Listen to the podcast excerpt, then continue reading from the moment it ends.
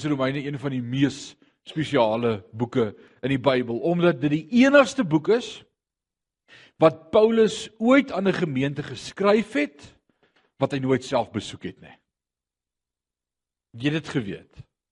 Al die ander boeke wat Paulus geskryf het in die Nuwe Testament, skryf hy aan die Korinte want hy was daar en hy het gesien hulle het baie moeilikheid. En dan sê hy vir hulle moenie gedrink by die kerk uit kan kom nie, drink net genoeg nagmaal as by die kerk, eet by die huis. En uh, hy skryf aan die Efesiërs want hy was by die Efesiërs en hy skryf aan die Galasiërs want hy was by hulle gewees. Hy weet van hulle las. En dan skryf hy maar Romeine skryf hy aan 'n gemeente wat hy gehoop het om te besoek maar bang was hy gaan nooit daar uitkom nie. So die Romeine brief is sekerlik een van die boodskappe wat al die ander gemeentes iewerster met Paulus 'n tolk oor gehad het. Hierdie evangelie boodskap, want dis wat Romeine in 'n nutshell is, is die evangelie van Christus. Van die begin af, van die sonneval af tot by die einde wat gebeur na wedergeboorte, heiligmaking, regverdigmaking, geregtigheid in Christus, die beloftes en dan ook die Christelike wandel.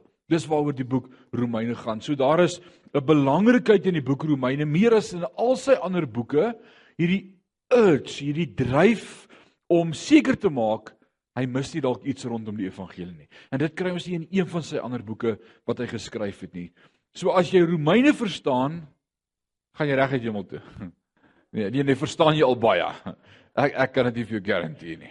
Maar as jy Romeine verstaan, verstaan jy al baie. Nou onthou, vandag is net 'n vinnige oorsig as jy meer wil hoor of wil weet, gaan op SoundCloud of gaan op uh kom by Ricky of op eljuthros.co.za en gaan luister na Romeine daar. Die volledige reeks. Ons het 40 weke gevat om deur Romeine te kom.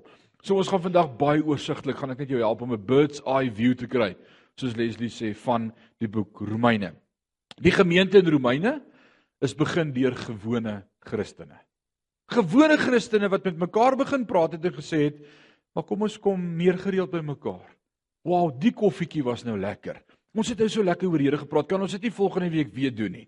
Kan ons nie vir Piet ook nooi nie? Ek weet hy is ook 'n kind van die Here. En so het Piet volgende week bygekom en toe was dit 3. En toe sê hy, "Wow, dit was 'n blessing. Kan ons nie vir Kobus en sy vroutjie ook nooi nie? Hulle is nog jonk op die pad. Ek het hulle nou die dag na die Here toe gelei." En so die gemeentetjie begin groei uit gewone Christene uit. Hy's nie geplant nie. Daar was nie 'n apostel wat soontoe gestuur is nie of 'n disipel van Christus wat gesê het ek begin 'n gemeente nie. Dit was 'n spontane groepering van kinders van die Here. Alraait. Hoe het hulle die boodskap gekry? En dis die wonder van die woord van die Here wat hy vir ons leer daar in Handelinge en ook Matteus 28:19 as hy sê gaan dan heen maak disippels. Iewers het iemand iets gehoor langs die pad. Iemand het iemand Jerusalem gaan besoek en die boodskap gekry en gehoor van Christus en teruggekom en begin praat oor Christus die Messias en dan die wonder en dit gaan ons nou in hierdie eerste twee hoofstukke sommer van die begin af sien is God praat met elkeen in sy hart. Alraait. Dit is belangrik om dit te onthou. Dis een van die maniere hoe die evangelie ook uitgedra word, is in jou hart. So Romeine is deel van die boodskap van die evangelie. As jy met 'n nuwe ling die evangelie boodskap van Christus wil deel, ek kan nie 'n beter beter boek voorstel as die boek Romeine nie. Jy gaan enige nuwkamer in die evangelie, gaan jy deur die boek Romeine met hom te hanteer, gaan jy vir hom presies sê wat behels Christendom van sonde af, belydenis Christus wedergeboorte, die doop, alles tot hoe jou wandel is in jou verhouding in die gemeente. Ander boeke deel met spesifieke probleme, maar die Romeine oor die inhoud van die evangelie, sekerlik soos Paulus ook in elke ander gemeente op 'n dag verduidelik het. Nou hoofstuk 1, nou die eerste vraag wat ons vanmôre vir mekaar vra as ons kyk na hoofstuk 1 is wie het die boek geskryf? In die eerste 17 verse van Romeine 1 skryf vir ons oor die outeur. Paulus skryf so 'n bietjie oor homself. Eerstens in vers 1 sê hy 'n diensknegt van Jesus Christus, iemand wat tot vandag toe beskikbaar is vir diens van die meester. Hy sê ek is uitverkoop. Daai Griekse woordjie is die woord doulos. Dan word ek besit nie myself nie, ek word besit en ek is in diens van iemand anders.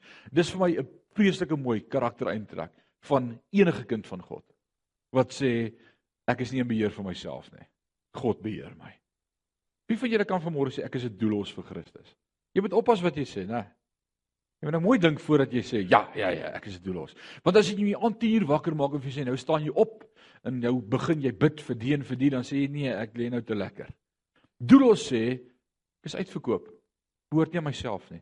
In vers 5 sê hy deur wie ons genade ontvang het. Daar's iets wat hy daarvan sê. Hy sê ek het iets geproe genade. Daai Engelse woordjie vir genade is die woordjie grace. Wat sê grace? Undeserved, unearned, unmerited favor. Guns by God gevind. Dis wat genade is. Ek kan nie daarvoor werk nie, ek kan dit nie verdien nie. Ek kan nie iets doen om mense te impress nie. Ek kan dit nie erf nie. Dis alles God se genade. Vers 1 sê hy geroepe apostel. Hy was 'n apostel geweest. In die tweede plek sê hy deur wie vers 5 ons genade en die apostelskap ontvang het. Hy sê ek het my apostelskap van God af ontvang en dan wil ek sommer iets ingooi vanmôre om te sê daar is nie meer vandag apostels nie. Asseblief. Die oud of nie nie. Daar is nie apostels nie. Hoekom kan daar nie apostels wees nie? Om apostels te kon wees, moes ek 'n getuie wees van die opstanding van Jesus Christus. Ek moes dit kon getuig daarvan. Dit was wat 'n apostel kon doen. Jy moes deur Christus persoonlik uitgestuur geword het om 'n apostel te wees. En hierdie brief het bindende gesag, hierdie opdrag van God af. En ek wil sê daar's nie vandag meer apostels nie. Paulus het eenmaal aan die Korintiërs gesê, "Die teken van apostel is met my." En ons weet daar was wonderlike tekens wat hom vergesel het duidelike tekens. In die derde plek, wie skryf hierdie brief? Hy was ook 'n sendeling gewees. Dit sien ek in vers 1, 9, 14 en 15. Afgesonder tot die evangelie van God vers 1. Vers 9, God wat ek in my gees dien in die evangelie van sy seun. Vers 14 en 15. Van daardie verlange van my kant om ook aan julle wat in Rome is die evangelie te verkondig. Vers 16. Want ek skaam nie vir die evangelie van Christus nie, want dit is 'n krag van God tot redding vir elkeen wat glo, eers vir die Jood en ook vir die Griek. So Paulus sê, dis hoekom ek lewe om die evangelie van Christus te verkondig. En hy maak dit duidelik hier vir ons. In die vierde plek, dis geskrywe deur 'n persoon wat altyd die belange van die kerk eerste gestel het. Dis vir my 'n verskriklike mooi eienskap. Iets wat ons in ons dag van vandag mis. Daar's iets in ons dag van vandag van mense wat ongebonde wil lewe. Nou in 2 Timoteus praat Paulus met Timoteus oor die laaste dae en dan sê hy daar sal 'n gees wees van ongebondenheid. Nou dit klink 'n verskriklike vertaling in 1933-53 vertaling ongebonde. Wat beteken ongebonde? Ek wil my nie meer onder reëls onderwerp nie jong mense wat vandag sê ons wil nie meer trou nie, ons bly net saam. Ons doen dit anders. Mense wat sê ek wil nie meer lid wees van 'n gemeente nie. Ek wil op my eie wees. Ek huis kerk sommer of ek radio kansel kerk. Dis 'n gees van ongebondenheid om nie onder gesag te wil staan nie. Nou Paulus sê ek is verbind tot die gemeente. Paulus het 'n las gehad vir kerk. Vers 9 tot 12 sê vir ons daarvan. Hy sê want God wat ek in my gees dien in die evangelie van sy seun is my getuie hoe ek openlik aan julle dink. Hy praat met die gemeente en altyd in my gebede smeek ek tog nou eintlik 'n goeie geleentheid sou vind deur die wil van God om na julle toe te kom. Want ek verlang om julle te sien om julle een of ander geestelike genadegawe mee te deel sodat julle versterk kan word. Dit is dat ek saam bemoedig kan word onder julle deur die gemeenskaplike geloof van julle sowel as van my. Daarom staan ek altyd verbaas as 'n ou vir my sê ek staan so 'n bietjie los van die kerk af. Jy mis uit. Wie weet dis die waarheid. You just you lose out. Jy mis vreeslik baie uit. Ons moet 'n seën wees vir mekaar. In die 5de punt wie skryf hierdie boek? Hy was 'n man van gebed. Paulus was 'n man van gebed vers 10 sê en altyd in my gebede smeek of ek tog nou eintlik 'n goeie geleentheid sou vind om deur die wil van God na julle te kom. En dit is alles wie die boek geskryf het. Nou kom ons gaan verder. Die volgende vraag wat ek wil vra is aan wie is die boek Romeine geskryf? En dis alles deel van hierdie eerste hoofstuk. Vers 6 sê onder wie julle ook geroepenis van Jesus Christus is. Ek ek wil 'n oomblik hier pos. Jy moet verstaan, as Paulus met gemeentelede praat, dan spreek hy hulle aan as geroepenes van Jesus Christus. Het jy ooit al aan jouself gedink as 'n geroepene van Christus? Het jy gedink is net pastore en evangeliste en sendelinge en dalk kerkraadslede? Paulus praat met gemeentelede en hy sê julle moet verstaan, julle is geroepenes van Christus.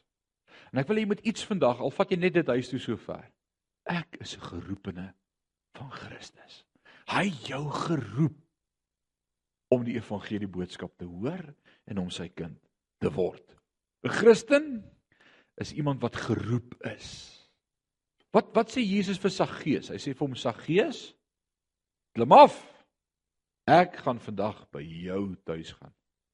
En daar was 'n ontmoeting met hom. God roep ons.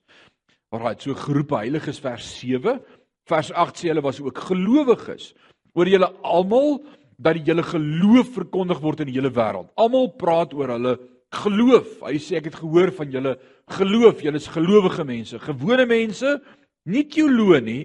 En daarom is Romeine vir elkeen van ons bedoel. Romeine is nie 'n moeilike boek nie want hy skryf vir eenvoudige gewone Christene. Alraai, dis nie 'n teologiese intellektuele reusagtige boek nie. Waaroor gaan Romeine? Baie maklik, vers 16, want ek skaam my nie oor die evangelie van Christus nie. Want dit is 'n krag van God tot redding vir elkeen wat glo, eers vir die Jood en ook vir die Griek. En ek is so hartseer, ons het nie vanmôre tyd om hierdie een versie te behandel nie.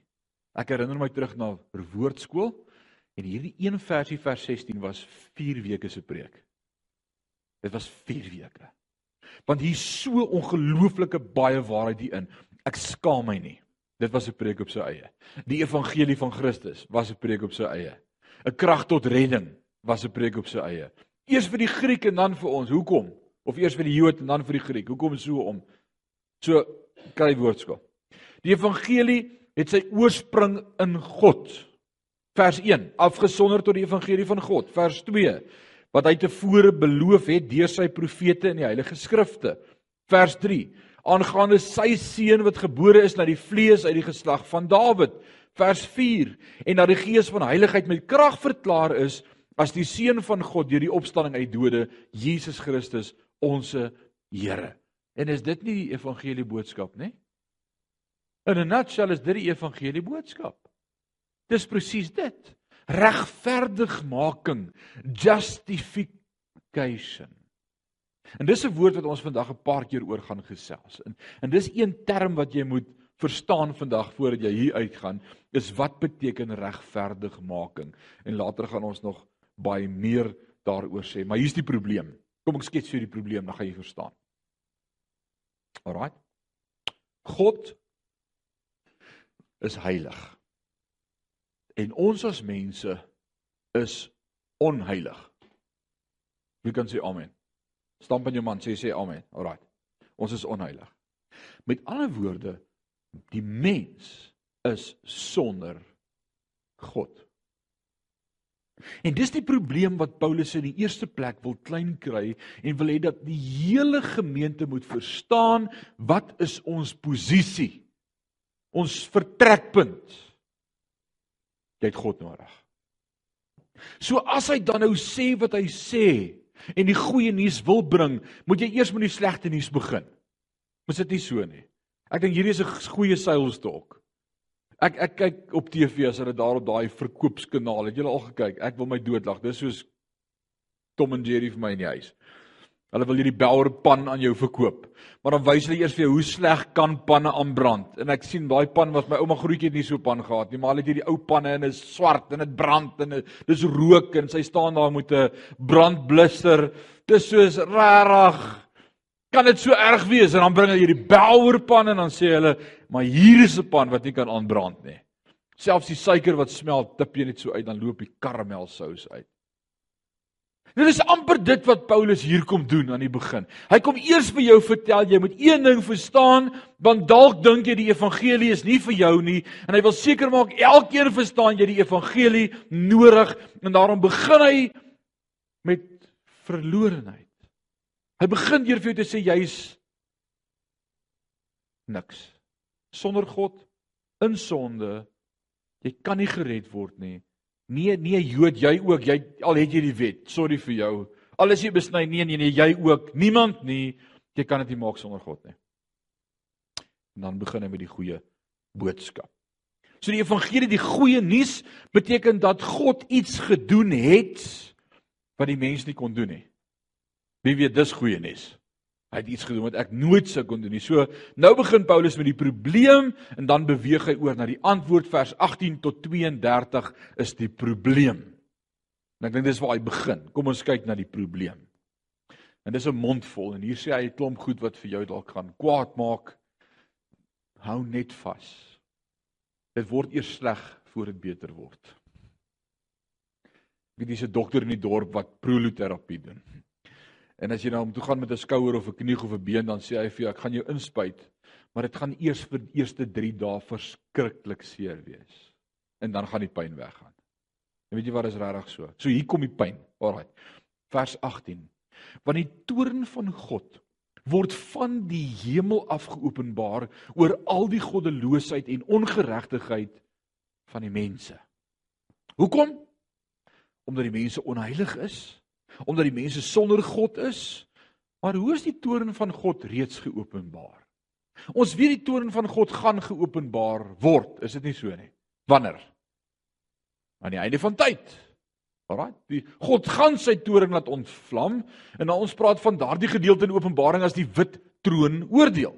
Wanneer almal voor die judgment throne sal staan, alraai, en sal account gee vir hulle werke en dan na die hel gestuur word. Maar maar hier sê Paulus sy toorn het reeds ontvlam. So dis 'n vraag wat ons gaan antwoord. Kom ons praat eers oor die mense se sonde. Vers 19 tot 21 praat ek van sonde is opsetlik. Nee, maar dit verstaan van sonde. Dis opsetlik. Hoor wat sê vers 19. Omdat wat van God geken kan word in hulle openbaar. Wag, wat staan in jou Bybel? In myne staan is. So staan dit by jou ook so. Hoor mooi wat sê Paulus. Hy sê omdat wat van God geken kan word in hulle openbaar is, want God het dit aan hulle openbaar. Hy sê almal weet daar's 'n God. Nou kan jy vanmôre vir my sê, maar wat van die inboorling daarbo in Afrika? Waar daar nog nooit 'n sendeling was om 'n Bybel vir hulle te vat of dit vertel van God nie. Paulus sê elkeen weet in sy hart daar's 'n God. As ek Potchefstroom dis die mooiste pad hier tussen hierdie randjies deur hier by Kiepersol verby Buffelshoek polisiestasie, randjie op, randjie af. En ek kyk net rond om my. Dan sê die hele skepping vir my God het ons gemaak. Dis die boodskap. Wanneer jy in die Karoo slaap in 'n aand en jy kyk op na die hemel en jy sien die sterre en hulle miljoene, triljoene, dan is hier iets hier binne in jou wat vir jou sê daar's 'n God. Die hartseer is in vers 20. Want sy onsigbare dinge kan van die skepping van die wêreld af in sy werke verstaan en duidelik gesien word, naamlik sy ewige krag en goddelikheid, sodat hulle geen verontskuldiging het nie, omdat hulle alhoewel hulle God geken het, hom nie as God verheerlik of gedank het nie, maar hulle het dwaas geword in hulle oorlegging en hulle onverstandige harte is verduister. Hulle wou nie luister nie. Hulle het gesê ek weier om te glo daar's 'n God. As dit 'n God van liefde is, wil ek hom nie dien nie. Hoe kan 'n pa sy eie seun na die kruis stuur vir ander mense? Dit is nie 'n God van liefde nie. Ek weier om so God te aanbid, soos wat teoloë in ons dag so vrylik van kansels af verkondig. En dan dink ek aan ouens so Sakkie Spanneberg, dank die Here uit afgetree. Seker een van die grootste loskanonne wat daar was. Wat sulke uitsprake maak. Dis God en 'n God van liefde is. Dink ek jy verstaan nie God nie. Hy's meer 'n filosoof as 'n teoloog. Alraight. Vers 28 sê en omdat hulle dit nie die moeite werd geag het om God in erkenning te hou nie, het God hulle oorgegee aan 'n slegte gesindheid om te doen wat nie betaam nie. Vers 32. Mense wat al ken hulle die verordening van God goed dat die wat sulke dinge doen die dood verdien, die dinge nie alleen selfs doen nie, maar ook hulle goedkeuring skenk aan die wat dit doen. Mense weet wat God bestaan. Daar is geen ding in hierdie lewe soos 'n ateïs nie. Ek wil dit vanmôre verklaar. En daar's een baie eenvoudige boekie op die rak as jy ooit battle daarmee en hy sê I have not got enough faith to be an atheist. Alraai. Want vir jou om ateïs te wees, moet jy ongelooflik baie geloof hê om te glo dat daar nie 'n God is nie. Jy weet daar's 'n God. In elkeen se hart sê hy die Heilige Gees het jou oortuig daar's 'n God. God het jou gemaak. Die hele skepping sê daar's 'n God, maar hulle onderdruk dit. En dis wat Paulus so mooi sê. En dan noem hy sonde vers 6 en 27. Daarom het God hulle oorgegee om skandelike hartstogte want die vroue het die natuurlike verkeer verander in dit wat teen die natuur is en net so ook die manne die natuurlike verkeer met die vroue laat vaar in hulle wellus teenoor mekaar het ontbrand manne het met manne skandelike bedrywe en hulle self en en in hulle self noodwendige vergelding van hulle dwaaling ontvang.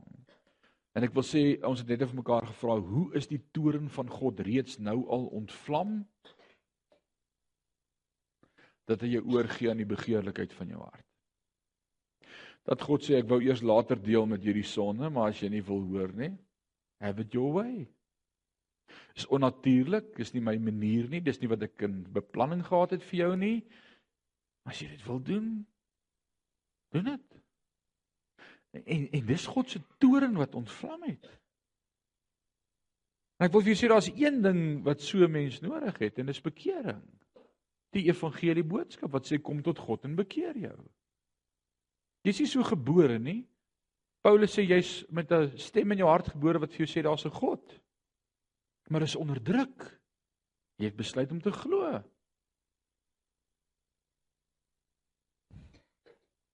So wat is God se toring? Dat God sê doen dit bietjie. Ek wil sê mense wat sondig weet dat hulle sonde doen, Dit wil sê dis moetswillig en opsetlik. Wie van julle doen sonde en julle weet dit nie? Jy gaan dalk dit doen as jy jou hand opsteek. nee, Paulus sê as jy sonde doen, weet jy dit. My oudste seun was 2 jaar oud. Enigste seun in die huis, net ek en my vrou en my kind. Dan kom ek in die kombuis, dan het die stoel nader gesleep, op die stoel geklim, die glasbottel se deksel afgetel, 'n koekie geëet die krummel sit nog om sy mond, dan vra ek vir hom, "Wie het 'n koekie gevat?" Sê, "Nee, ek nie."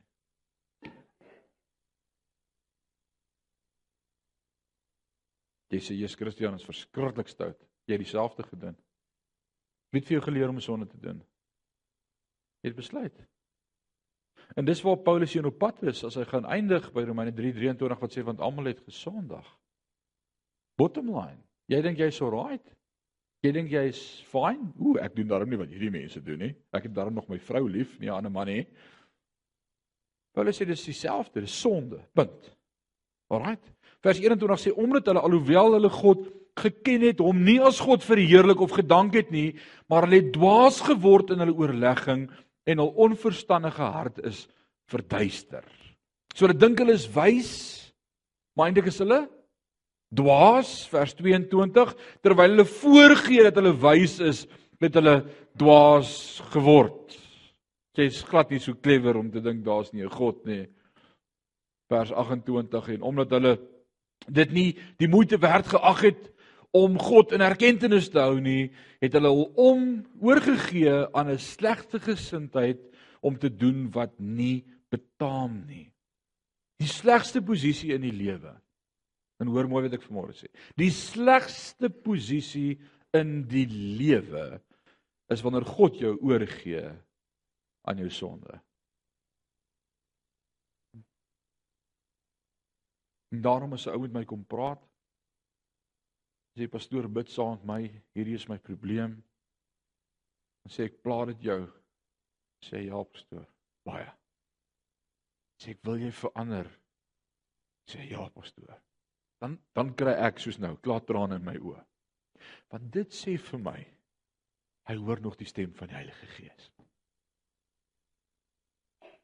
Maak my opgewonde. God roep hom en trek hom. Jesus self, hy sê niemand kom na die Vader as die Vader hom nie trek nie.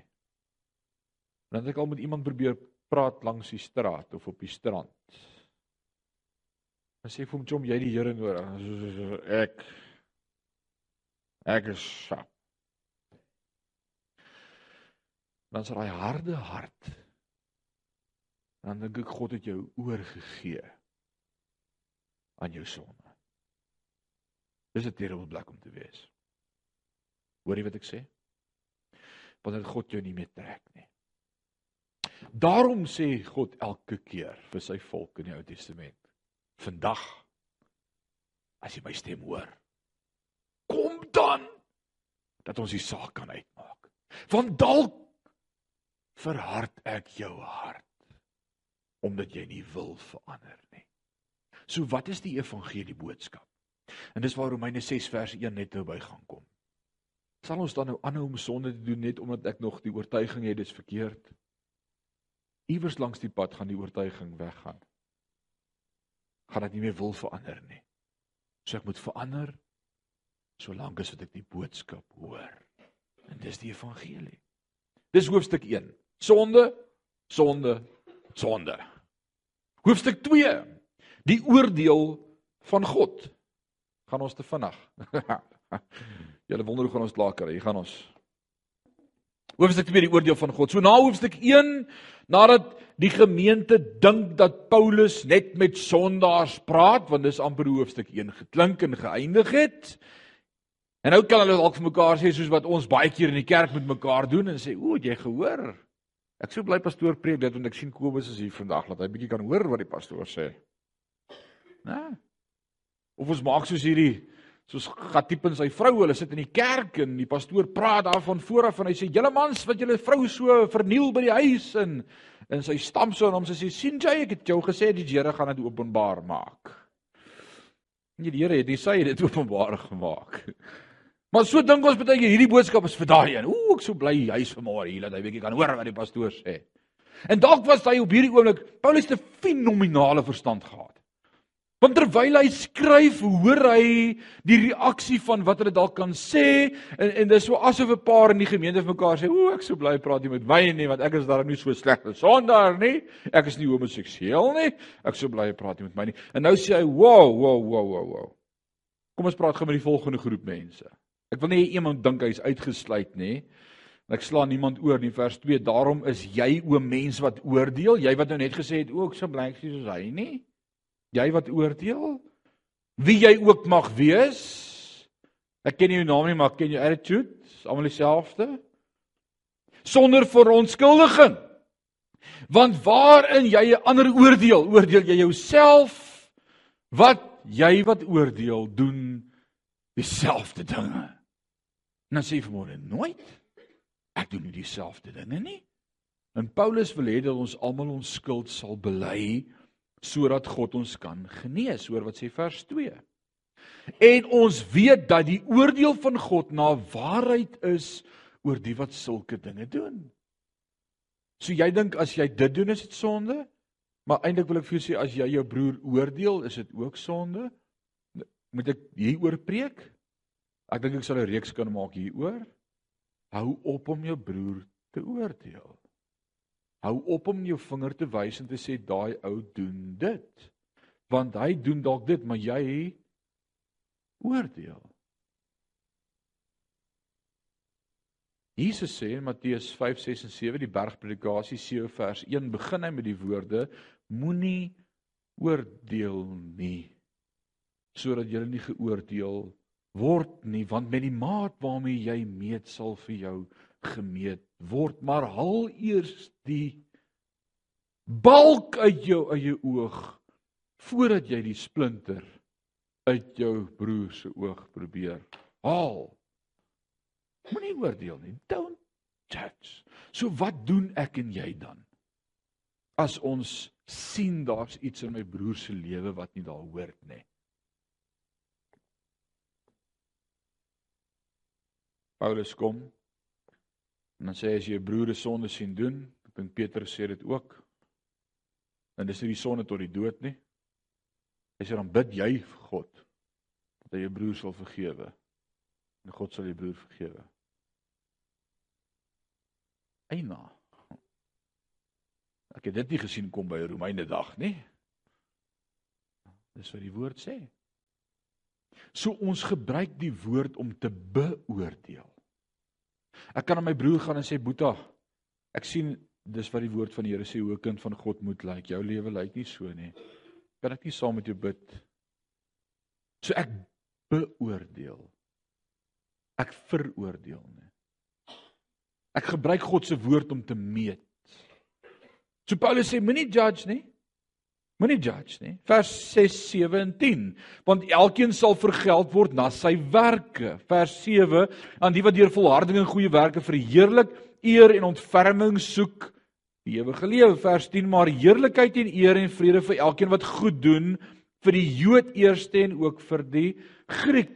Vers 8 en 9 maar aan die wat eie sinnig en aan die waarheid ongehoorsaam, maar aan die ongeregtigheid gehoorsaamheid grimmigheid en toorn, verdrukking en benoudheid oor die siel van elke mens wat kwaad doen, oor die Jood eerste en ook oor die Griek. En die doel van hierdie verse is om vir jou te sê jy die evangelie nodig.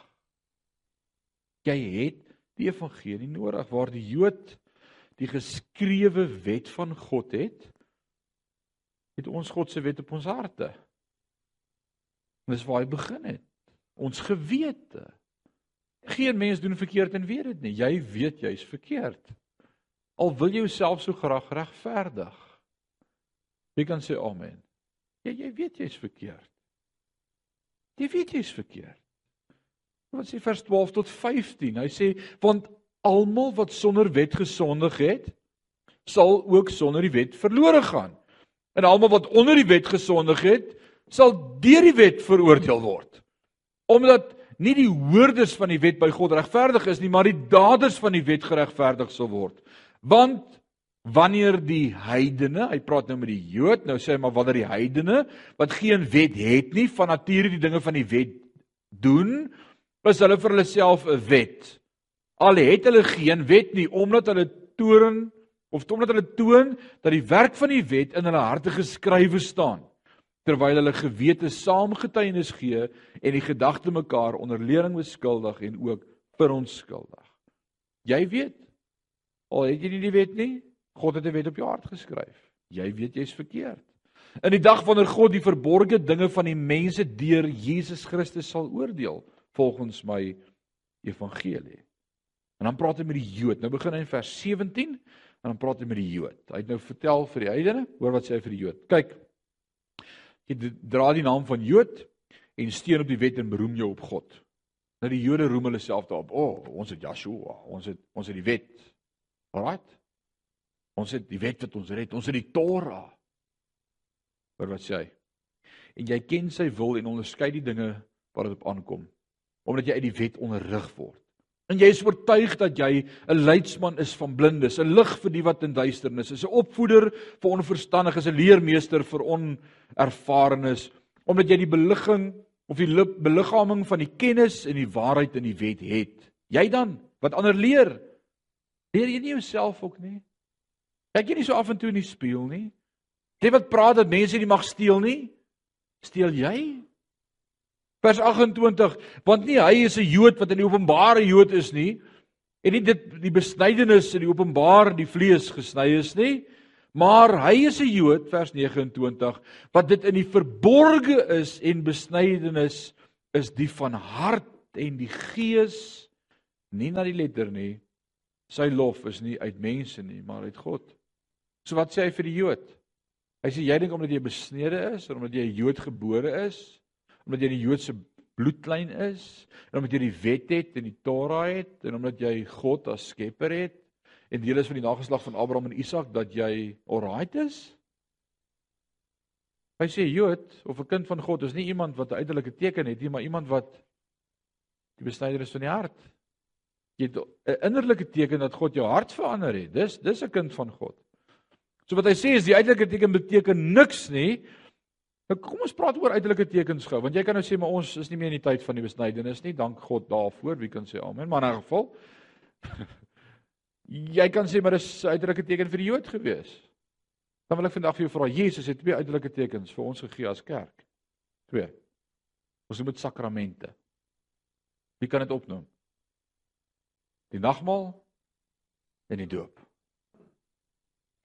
Met ander woorde, hy sê dit kan ook net 'n uiterlike teken wees, maar geen geestelike ervaring nie. Jy kan nogmal gebruik elke een keer 'n maand uit ritueel uit, uit tradisie. Maar hier binne kan jy ver van God wees. Jy kan deur die doopbad gegaan het, maar hier binne dood wees. Dis nie die uiterlike teken wat jou red nie. En dan vra baie keer mense, red die doop? It's an outward sign of an inward experience. Dis net 'n teken. Maar ek kan nie vanmôre sê, "O, ek is gedoop, hier is my doopsertifikaat, ek gaan hemel toe nie." Ek sê jammer vir jou as dit jou mening is daaroor. Maar Paulus sê dit beteken niks. En dan praat Paulus eers van sekere objeksies. Nou sê hy, wag, hier's nou 'n paar van julle wat nou begin vingers wys en dinge sê. Kom ek hanteer julle. Hoofstuk 3. Wat is dan die voordeel van die Jood? Dis nou wat jy vra. Nou, wat is die voordeel van die Jood? Hoekom ons ek dan nou besny en wat help dit dan nou? En jy sê dit beteken niks. Groot in alle opsigte. Ten eerste tog soek dan aan hulle die woord want God se woord is aan hulle toevertrou. Vers 3 Wat maak Uh want wat maak dit as sommige ontrou geword het? Sal hulle ontrou miskien die getrouheid van God vernietig? Nee, stadig nie, maar God moet waaragtig wees en elke mens leenagtig sodat geskrywe is sodat u geregtigheid kan word in u woorde en oorwin as u gerig hou. As jy verstaan nie, jy moet eers verstaan jy het God nodig. So nou doen Paulus 'n interessante ding en hy wys vir ons van vers 11 af almal is sondaars. Ek dink dis die hart van hoofstuk 1 2 en 3. Dis waarheen hy begin opwerk om te sê jy gaan nie 'n verskoning hê nie. Jy het in jou hart geweet, o, jy het die teken gehad, jy was 'n Jood, o, jy was besny, o, maar daar niks in jou hart gebeur nie. Jy het nie 'n verskoning nie. Jy is eintlik maar nog steeds sonder die wet. En dan kom hy van vers 11 af in hoofstuk 3. Daar is niemand wat verstandig is nie. En daar is niemand wat God soek nie. Is dit 'n verskriklike stelling? Wat sê jy daarvan? Wat sê jy daarvan? Daar is niemand wat verstandig is nie. En daar is niemand wat God soek nie. En dan kan jy vra maar Dis maak my baie ongemaklik want ek soek na die Here. Wie die werk in jou begin? God. Maar voordat God die werk in jou begin het, was jy dood. En ek wil hê jy moet hierdie trant onthou. Dit wat ek nou vir jou begin sê want ons gaan dit 'n paar keer deur Romeine sien. Dis eers God wat met jou werk, dan respond jy Hy sê Filippense 1:6 ek wat die goeie werk in jou begin het, sal dit volëindig. In Efesiërs 2 sê hy deur hoe word ons gered deur geloof is jy gered. En daardie geloof is nie eers in jouself sodat jy kan roem dat jy geglo het in God nie. Hy sê selfs daardie geloof was 'n geskenk van God. So God gee vir my die geloof sodat ek kan dink dis ek wat glo in my hart vir hom gee, maar hy sê selfs daardie geskenk het van hom afgekom, dit was nie ek nie. En dis iets wat Paulus baie ernstig is op elke keer om te vir jou te laat verstaan jy het niks met jou redding te doen gehad. That's humbling. That's humbling. En dan gaan ons net oor praat in hoofstuk 19 en 11 bietjie van uitverkiesing. Gaan nog lekker raak vandag. En dan kom Paulus in vers 11 en hy sê daar's niemand wat verstandig is nie. Niemand wat God soek nie. Vers 12 sê hulle het almal afgewyk saam met hulle ontaard. Daar is niemand wat goed doen nie, selfs nie een nie. En dan kan jy sê regtig as die mense hom so sleg praat, nie nou van tronkvoels of van uh, van 'n ander groep mense of kannibale, regtig praat hy met die kerk Paulus. En vergeet jy jy's besig om 'n brief te skryf aan 'n gemeente. Ons het nou hier bymekaar gekom vanmôre om die naam van die Here groot te maak. Nou moet ons hierdie brief van jou hier aflees. Dis morbied. Dit klink asof jy eerder geskryf het vir ouens in die gevangenis. Kan jy dit regtig vir ons sê vanmôre? Dan kom ons som op. Hy probeer sê jy's 'n sondaar. Jou geestelike voordele is werklik, maar nes die Jood kan dit jou nie red nie. Jy kan nie gered word daardeur nie. Jy het geen verskoning nie. Niemand gaan kan sê hy het nie geweet nie.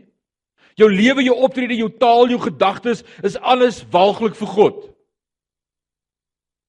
Jesaja sê dit so mooi, hy sê jou beste beste rok is 'n werpweglike kleed vir God. 'n filthy rag. Jy skuldig? En daar's geen hoop vir jou nie. Ek dink dis die beste posisie wat enige mens ooit kan ervaar. Want dit was die dag in my lewe toe ek dit besef wat ek tot God kon uitroep en hy my lewe kon verander. Te min mense kom by hierdie plek in hulle lewe uit. Waar hulle verstaan sonder hom is ek niks. Ons probeer vir mense boeke skryf oor voel net beter oor jouself. Praat positief. Kyk in die spieël. Noem die dinge wat God oor jou sê. Man God kan niks oor jou sê totdat jy nie besef jy's verlore nie. Net ek ons skiep die hart van die evangelie baie keer as ons met mense praat oor God. Jy moet eers vir 'n ou vertel hy's op pad hel toe. Dan moet eers trane in sy oë wees as te ware. Want nou vroeër jare het ons nog bekeerings gehad met trane en repentance. Vandag is dit net soos voel net voel net beter, jy's okay. Paulus sê nee, kom ons begin by die begin. En nou kom die evangelie boodskap vers 21 tot 31 van Johannes 3. En dis die evangelie. Maar nou is die geregtigheid van God geopenbaar. En dit is sekerlik die belangrikste in die hele brief wat Paulus skryf aan die Romeine. Wat is die leer van regverdigmaking van die geloof? Kom ek kom ek help jou eers voordat ons aangaan met Romeine 3 want dit is belangrik dat jy dit verstaan. Wat is die leer van regverdigmaking? Want ek is geregverdig. Wie van julle is geregverdig deur Jesus Christus? Maar wat beteken dit? En hier kom die leer van geregverdigmaking. Dit is belangrik dat jy dit sal verstaan. In die eerste plek Jesus Christus kom na die aarde. Heeltemal mens, heeltemal God. Johannes sê hy het onder ons kom tabernakel. Vir 30 jaar lewe hy 'n heilige sondevrye sondelose lewe. Hy het nie as sondaar geleef vir 30 jaar op aarde nie. Hy was sonder vlek of rimpel. Met sy doop kom daar 'n stem uit die hemel. Die Vader praat en hy sê: "Dis my seun. Dis hoe hy lyk."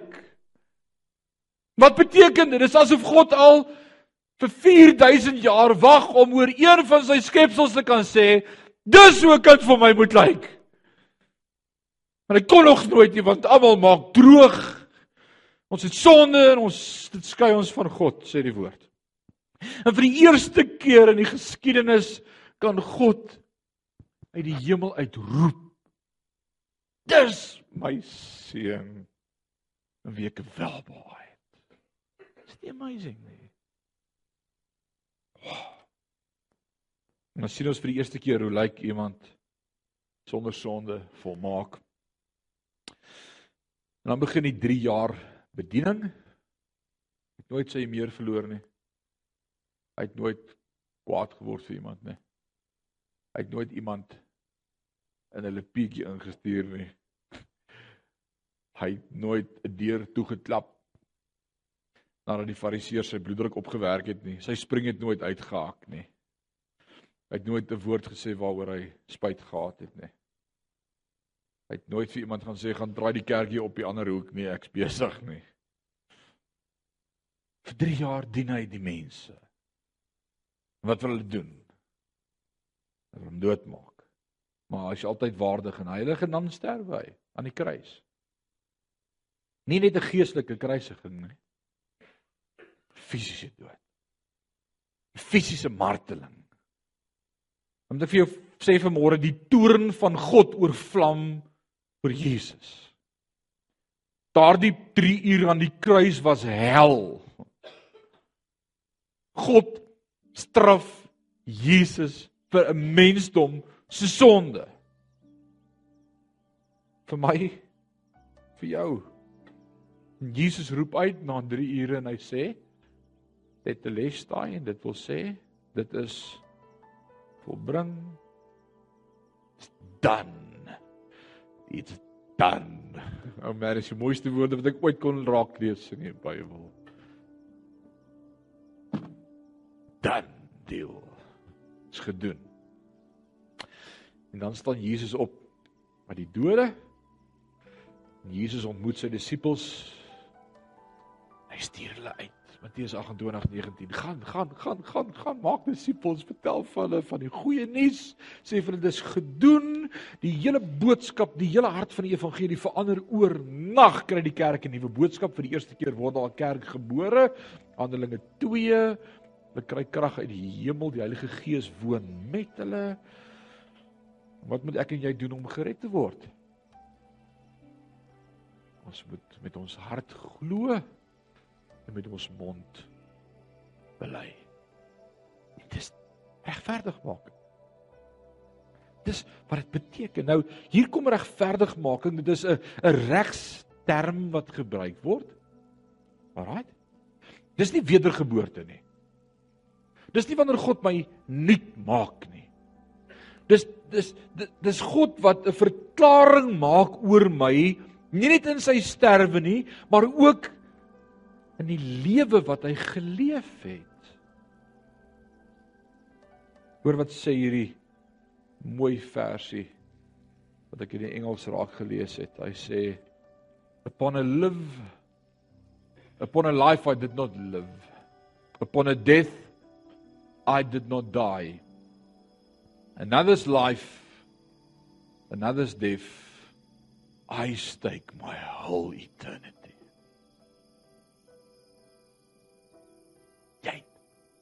niks gedoen vir die ewige lewe nie. Upon a life I did not live. Upon a death I did not die. Another's life, another's death. I stake my whole eternity. Wat sê dit? Jesus Christus en hy alleen. Ek het niks. Hy het alles. En 99% van Christene weet dat die evangelie is Jesus het gesterwe. Maar die waarheid is hy het ook vir my gelewe. Want as hy nie vir my gelewe het vir 33 jaar nie, sonder sonde en volmaak nie, sou hy nie vir my kon sterwe nie. It's amazing. Belangrik Dit beteken nie ek is onskuldig nie. Regverdigmaking beteken nie ek is onskuldig nie. Dit beteken die sonde of die straf is my nie toegereken nie. Maar hy het dit op hom geneem. Hy dra my kruis Hy betaal my prys. Ek vertel hierdie storieetjie en kom ons noem dit dan nou 'n moderne gelykenis. Want Jesus het gelykenisse vertel sodat die mense sou verstaan. My oudste seun is 14. Hy dink hy kan kar bestuur. En een aand vat hy my voertuig terwyl ons slaap. En hy ry Vredefort toe na sy maatjie toe en op pad terug van Vredefort af jaag hy deur die dorp teen 140 km/h. En hy stop nie. En toe hy hier by Middelstraat rondkom, toe spring die verkeersdepartement voor hom in. Hulle trek hom af, hulle arresteer hom, gooi hom se muur in die selle en die volgende oggend verskyn hy in die hof. Ek is gevra om die dag waar te neem as hoofregter. Ek het my swart kleed aan en ek sien hier word 'n beskuldigde nader gesleep, 'n bang jong seun en die aanklag word gelees. Ek besef hierdie kind is skuldig en ek maak 'n semure vonnis en ek sê 10 jaar opgeskorte vonnis of R5000 boete. En ek slaan die hamer. En ek sien my kind se gesig val. Maar pa, hoe kan jy dit aan my doen? Maar ek is 'n regter en ek's regverdig. Cannot be biased. Kan nie korrup wees nie. Kan nie nepotisme aan die dag lê. En dan staan ek op na die vonnis gevel is en ek trek my kleed uit en ek hang dit oor die regterstoel en ek klim af en ek kom staan langs my seun en ek vat hom in my arms en ek sê seuna kom laat pa vir jou die boete gaan betaal en dis wat God gedoen het hy sê eers vir my jy is bestem vir die hel jy is sonder verskoning Jy kan dit nie maak nie. Daar is nie 'n prys vir jou sonde nie. Dan word hy mens. En hy hang as te ware sy goddelikheid in die hemel. Hy kom woon onder ons. Sodat hy ons op die skouer kan vat en sê: "Dis okay, ek het vir jou betaal." As as jy dit snap, as jy dit verstaan, verstaan jy iets van die evangelie. Jy's nie fyn en sonder sonde en perfek en volmaak en gaan hemel toe loof die Here nie. Ek was 'n sondaar. Hy het my kom red. Ja. Dis awesome. Nie my medikasie werk met my nie. Alraai. Uh God verklaar nog iets dat die prys wat Jesus betaal het 'n krediet op my rekening veroorsaak het. Wat beteken dit? Koos het nog nie sy hart vir die Here gegee nie. Het Jesus al vir Koos gesterf aan die kruis? Ja of nee? Ja. Is Koos se sondes al vergewe? Ja of nee?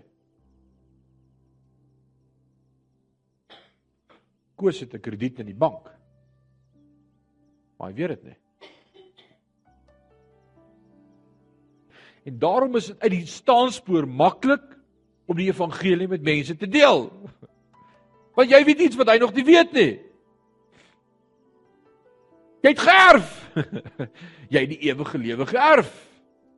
Jy weet dit nog net nie. Maar wat moet gebeur vir jou om dit te kan inherit, om dit te kan erwe? Wat moet gebeur? Kan ek net vir jou sê, hoor ek het goeie nuus vir jou, jou sonde is klaar vergewe en sê, "O, oh, dis beter, baie dankie, ek gaan hemel toe."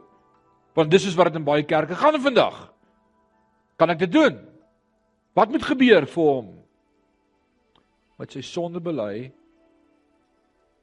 en met die evangelie boodskap van God aanneem en met sy hart glo en met sy mond bely en dan vind wedergeboorte plaas. Alraai. Dan vind wedergeboorte plaas. Goed. So al ervaar ek nie die prys nie, en dit sou dom wees want ek het 'n krediet en verdien dit nie, Hy het reeds die prys betaal. Hy het reeds die prys betaal. Justified, wat beteken die woordjie justified? En ons praat van justification, is 'n mooi teologiese term. Justified. Dan wil ek sê iemand het mooi nog eens vir my gesê, just as if I have never sinned. As God na my kyk, geregverdig, dan sê hy nie, o, daar staan nie Sari Jos, hy was daar 'n rowwe girl op haar tyd gewees voor hom Kobus haar gekry het, nê? Nee. Sjoe, sy was 'n Willemary. Nee, nee, nee, nee. As hy na my kyk, sien hy my deur sy bloed van sy seun Jesus Christus en hy sê dis asof jy nog nooit sonde gedoen het, né? Dis wat die woordjie justified beteken. Wie, wie vir wie is dit goeie nuus? Sê net amen. Dit dis ongelooflike goeie nuus. Ons kyk na mekaar en dan sê ons, "O, daar's ou dronk Piet of daar's daar's langvingers koos of daar's ons onthou. As God na jou kyk sê hy justified. Justified.